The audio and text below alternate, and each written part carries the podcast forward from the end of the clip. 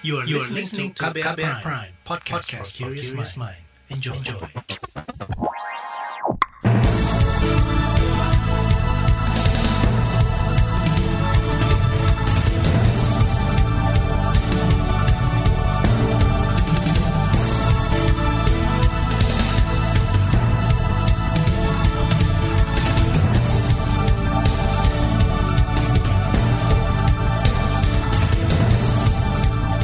Selamat pagi saudara, senang sekali kami bisa menjumpai Anda kembali melalui program Buletin Pagi edisi Selasa 30 Maret 2021 bersama saya Malika. Sejumlah informasi pilihan telah kami siapkan di antaranya Densus tangkap 4 orang dan sita bahan peledak di Jakarta.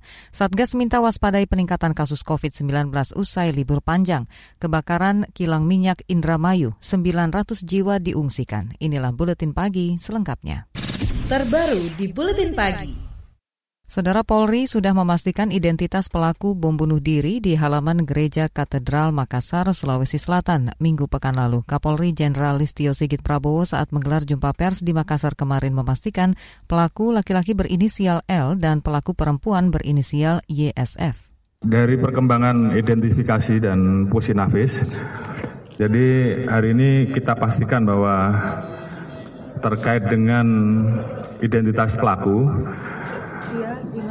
berdasarkan hasil identifikasi yang dilakukan oleh Inafis dan juga pengecekan DNA yang dilaksanakan oleh lapor,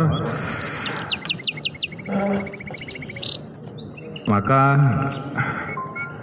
identik bahwa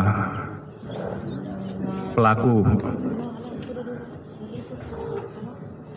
yang laki-laki betul bernama saudara L dan ini sudah kita cocokkan dengan keluarganya.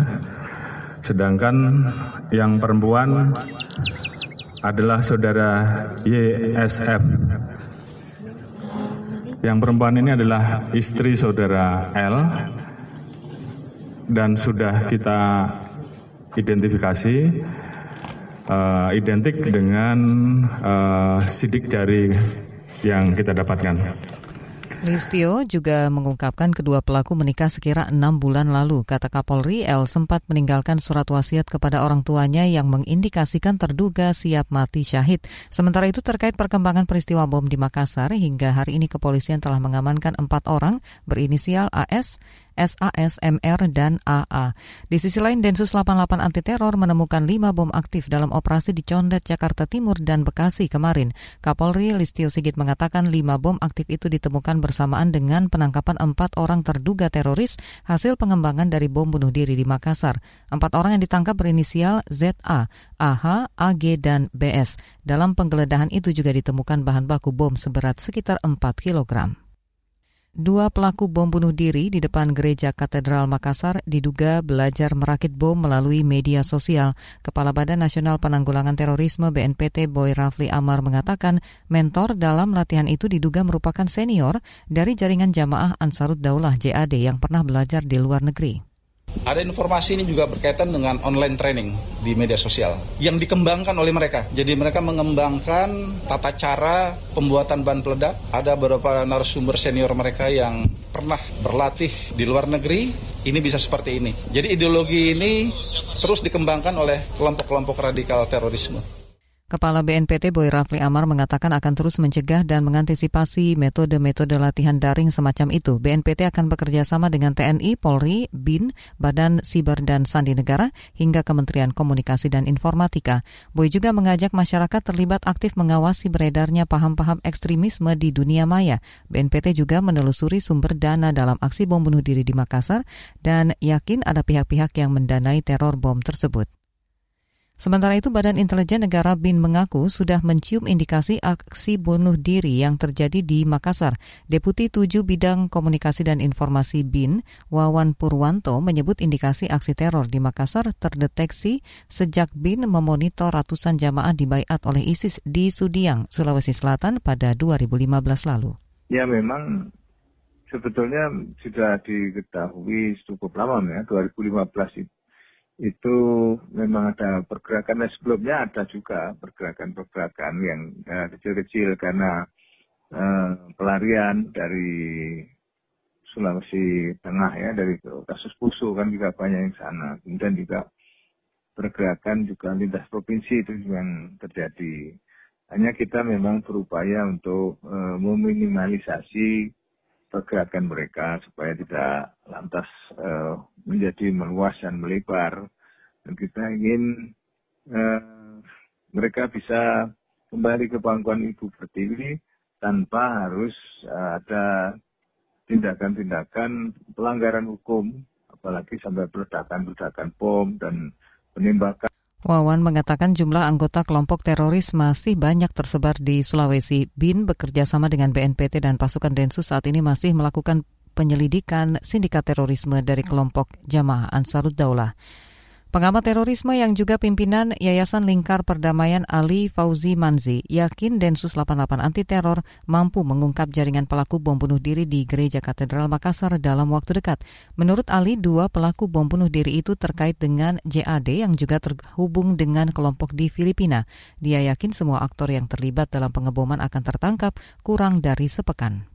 Saya yakin nggak butuh lama Densus. Karena begini mas, uh, Densus itu sebenarnya sudah sudah memprofiling siapa sebetulnya yang terindikasi punya pemikiran-pemikiran radikal, punya pemikiran-pemikiran uh, teror di sana. Jadi ya nggak butuh waktu lama akan terungkaplah apa motifnya, apa, bagaimana jaringannya, koneksinya, ya Ali Fauzi Manzian juga bekas kombatan di Afghanistan dan Filipina itu menduga kelompok-kelompok teror ini meninggalkan celah yang bisa dideteksi oleh Densus 88 anti teror. Menurutnya kelompok-kelompok JAD ini kerap ceroboh dalam menggunakan teknologi informasi sebagai alat komunikasi seperti WhatsApp, email, dan perangkat ponsel lainnya sehingga jejak mereka di sana bisa digunakan oleh Densus untuk melacak. Indonesia masuk 10 besar negara terdepan melakukan vaksinasi. Informasinya hadir usai jeda. Tetaplah di Buletin Pagi KBR. You're listening to KBR Pride, podcast for curious mind. Enjoy!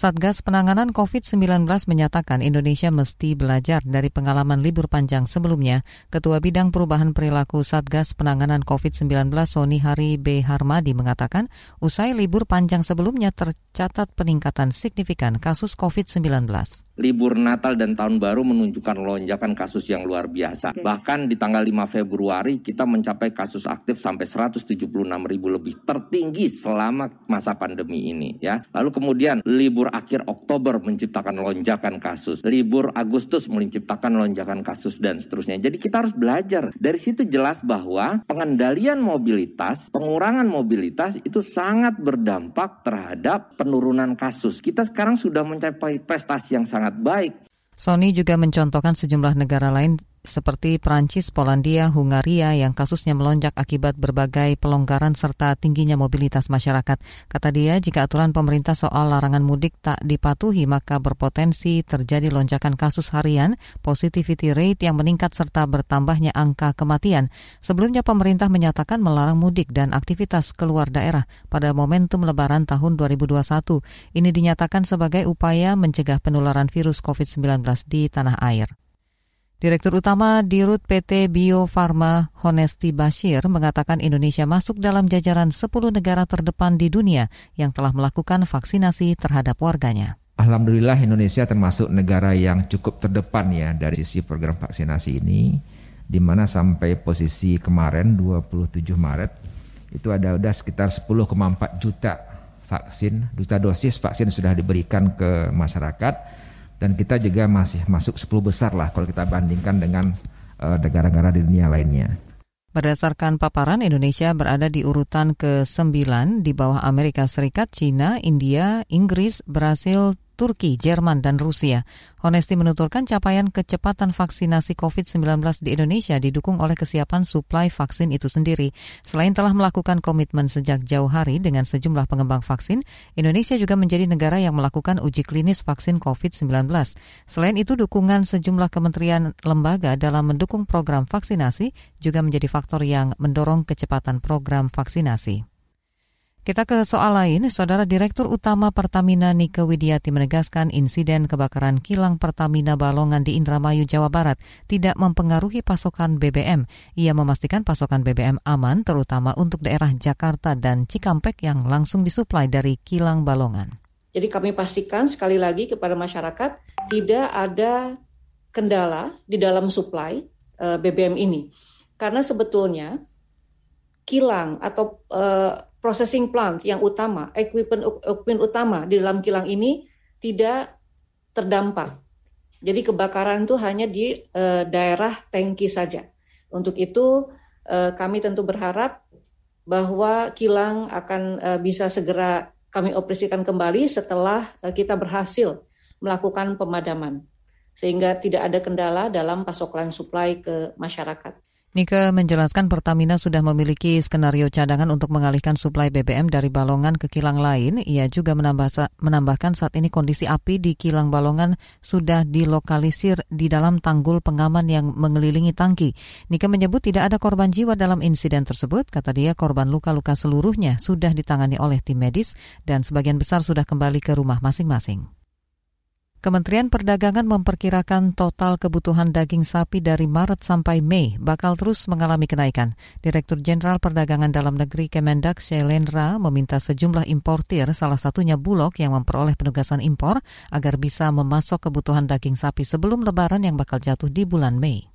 Kita berharap dia akan masuk sebelum hari raya. Kalau hari raya sudah hari raya ya sudah lewat momen. Karena kami diskusi dengan para pelaku usaha lainnya, ini sangat-sangat membantu untuk menyeimbangkan harga pasar. Jadi kalau pasokan ini, kami bahkan sebenarnya pada waktu menyusun neraca berharap di Maret ini bisa masuk di antara 5.000 ton sampai 10.000 untuk membuat psikologis pasar bahwa semua daging tersedia dan harga akan terkendali.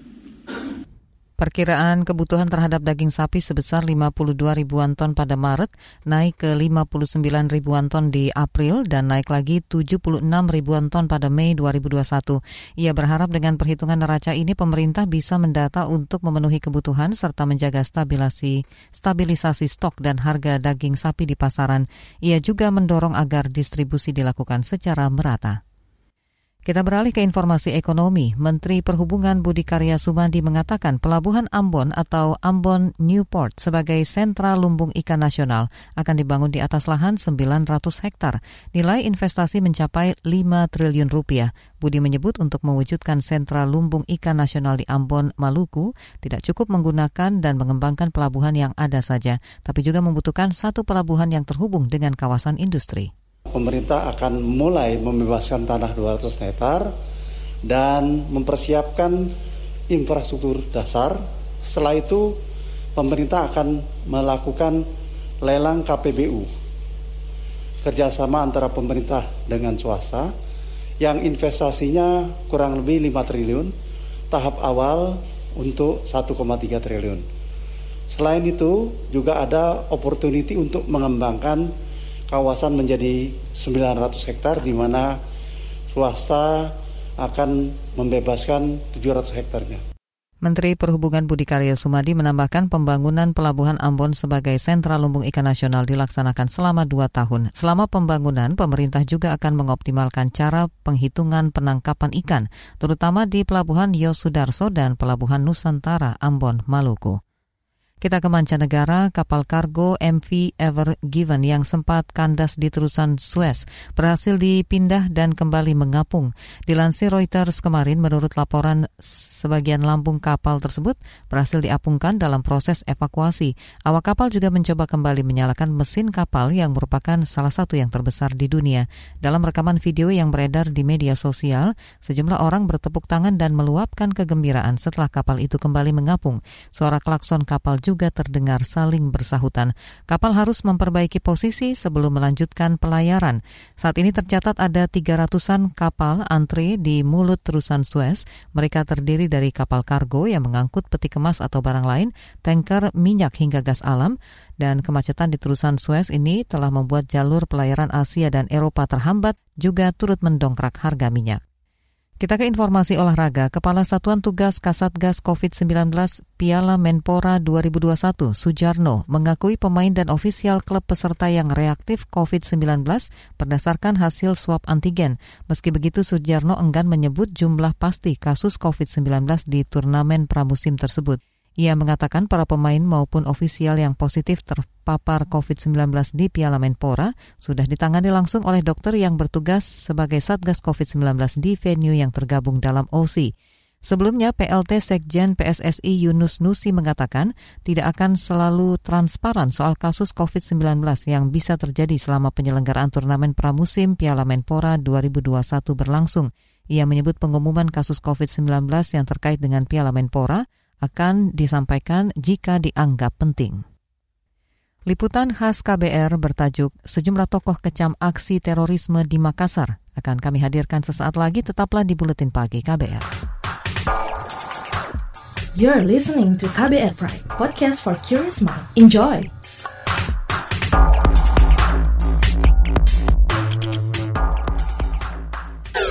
Commercial break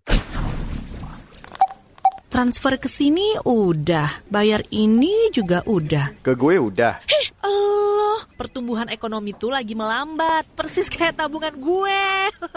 Betul banget, harus matang ngelola keuangan. Pengennya tuh investasi sesuatu gitu ya. Apa gitu yang cocok dan menguntungkan? Hmm, coba dengerin uang bicara deh. Gue belakangan lagi dengerin podcast itu di KBR Prime reksadana yang tadinya 500 juta udah turun dari 250 juta sekarang 10 ribu. Sama kita ngopi mahalan mana?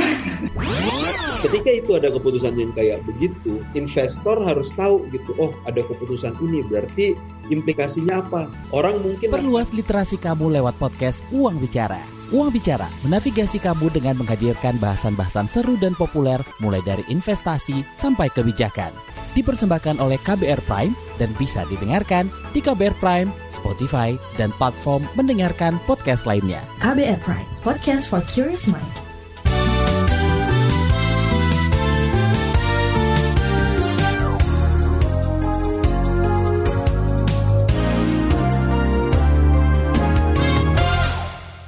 Anda masih bersama kami di Buletin Pagi KBR. Saudara aksi terorisme ledakan bom bunuh diri yang terjadi depan Gereja Katedral Makassar, Sulawesi Selatan minggu pagi lalu menuai kecaman.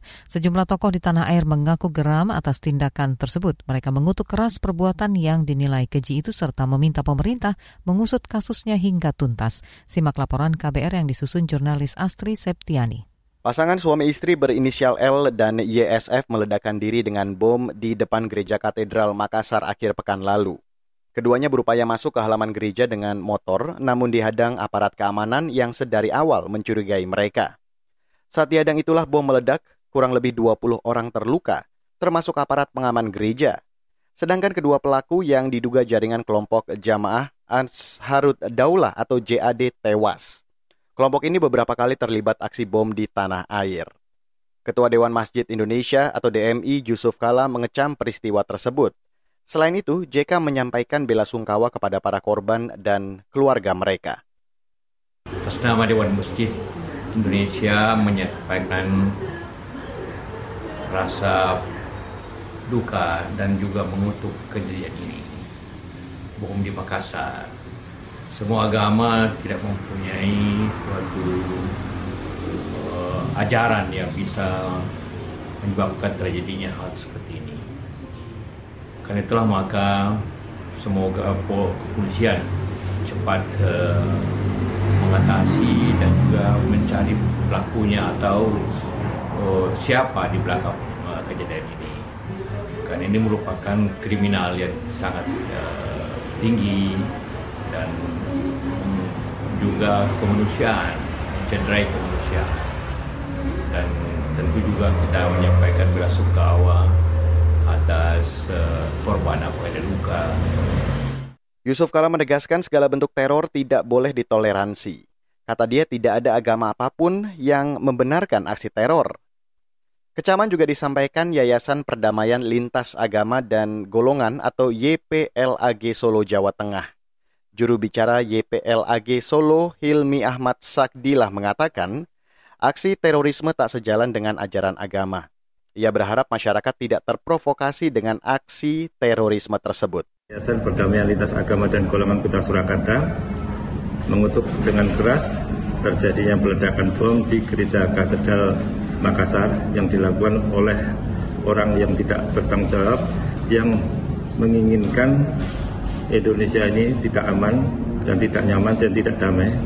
Marilah kita jaga persatuan dengan melibatkan semua unsur lapisan masyarakat terutama tokoh-tokoh agama dan meminta kepada pihak aparat kepolisian untuk segera mengusut tuntas pelaku di balik ledakan bom tersebut. Sekelompok warga Solo juga menggelar doa bersama di depan Balai Kota. Mereka menyalakan lilin dan kertas bertuliskan Pray for Makassar. Warga berharap aksi terorisme segera berakhir dan aparat bisa memberantas hingga ke akarnya. Sementara itu, Ketua Umum Pimpinan Pusat Muhammadiyah, Haidar Nasir mengimbau masyarakat tenang dan tidak berprasangka atau berasumsi yang dapat mengaburkan kasus bom bunuh diri tersebut. Ia mengingatkan masyarakat untuk tidak mengaitkannya dengan agama dan golongan umat tertentu, meski aksi itu dilakukan di rumah ibadah. Ia menyebut aksi itu sangat keji apa pun motif dan tujuannya. Karena itu, peristiwa ini tak bisa dianggap enteng. Ia meminta masyarakat memperkuat rasa saling pengertian dan kebersamaan antar golongan, serta menjauhi benih saling curiga dan prasangka satu sama lain. Hal ini demi keutuhan dan persatuan Indonesia yang menjadi dambaan bersama. Terkait kasus ini, Presiden RI Joko Widodo telah memerintahkan Kapolri mengusut tuntas jaringan-jaringan pelaku dan membongkar hingga ke akarnya. Terorisme adalah kejahatan terhadap kemanusiaan dan tidak ada kaitannya dengan agama apa pun. Semua ajaran agama menolak terorisme apa pun alasannya. Seluruh aparat negara tak akan membiarkan tindakan terorisme semacam ini dan saya meminta masyarakat agar tetap tenang menjalankan ibadah karena negara menjamin keamanan umat beragama untuk beribadah tanpa rasa takut. Jokowi mengajak seluruh masyarakat bersama-sama memerangi terorisme dan radikalisme yang bertentangan dengan nilai-nilai agama, serta menjunjung tinggi nilai-nilai kebinekaan. Laporan ini disusun Astri Septiani, saya Reski Mesanto. Informasi dari daerah akan kami sajikan usai jeda, tetaplah di Buletin Pagi KBR. You're listening to KBR Pride, podcast for curious mind. Enjoy!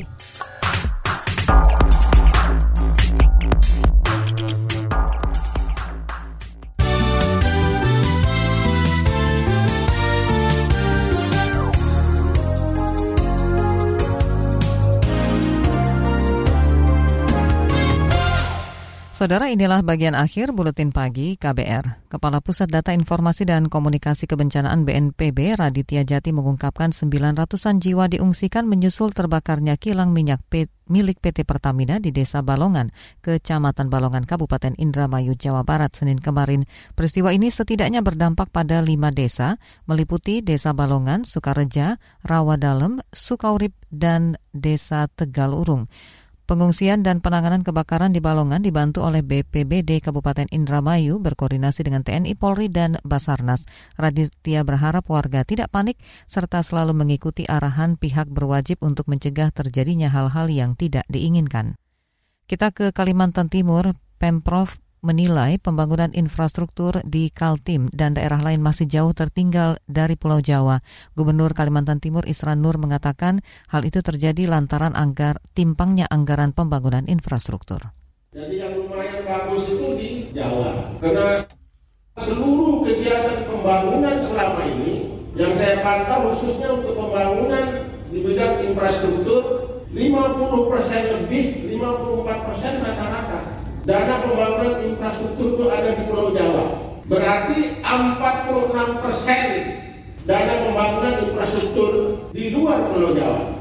Isra Nur berharap rencana menjadikan Kalimantan Timur sebagai pusat pemerintahan bisa terrealisasi sehingga Kaltim bisa lebih berperan besar dalam pembangunan dan pembangunan akan, akan lebih merata khususnya di Indonesia Timur. Kita ke Aceh, hujan deras yang mengguyur Kecamatan Long, Kabupaten Aceh Besar sejak sore kemarin menyebabkan banjir dan merendam pemukiman masyarakat. Banjir juga merenggut korban jiwa seorang warga bernama Nurma yang terseret air luapan sungai usai pulang dari kebun. Disampaikan oleh petugas Pusdalops BPBD Aceh Besar, Iqbal, banjir itu sempat mengganggu lalu lintas di pinggiran Jalan Nasional Banda Aceh Melaboh. Ratusan kendaraan terjebak macet karena air menutupi badan jalan sepinggang orang dewasa. Sementara itu beberapa warga desa di dalam kecamatan Long masih memilih mengungsi di masjid ataupun rumah saudara yang tidak terdampak banjir. Meski telah surut warga masih khawatir banjir susulan akan terjadi. Informasi tadi menutup jumpa kita di Buletin Pagi hari ini. Pantau informasi terbaru melalui kabar baru situs kbr.id, Twitter kami di akun @beritaKBR serta podcast di kbrprime.id. Akhirnya saya Malika bersama tim yang bertugas undur diri. Salam.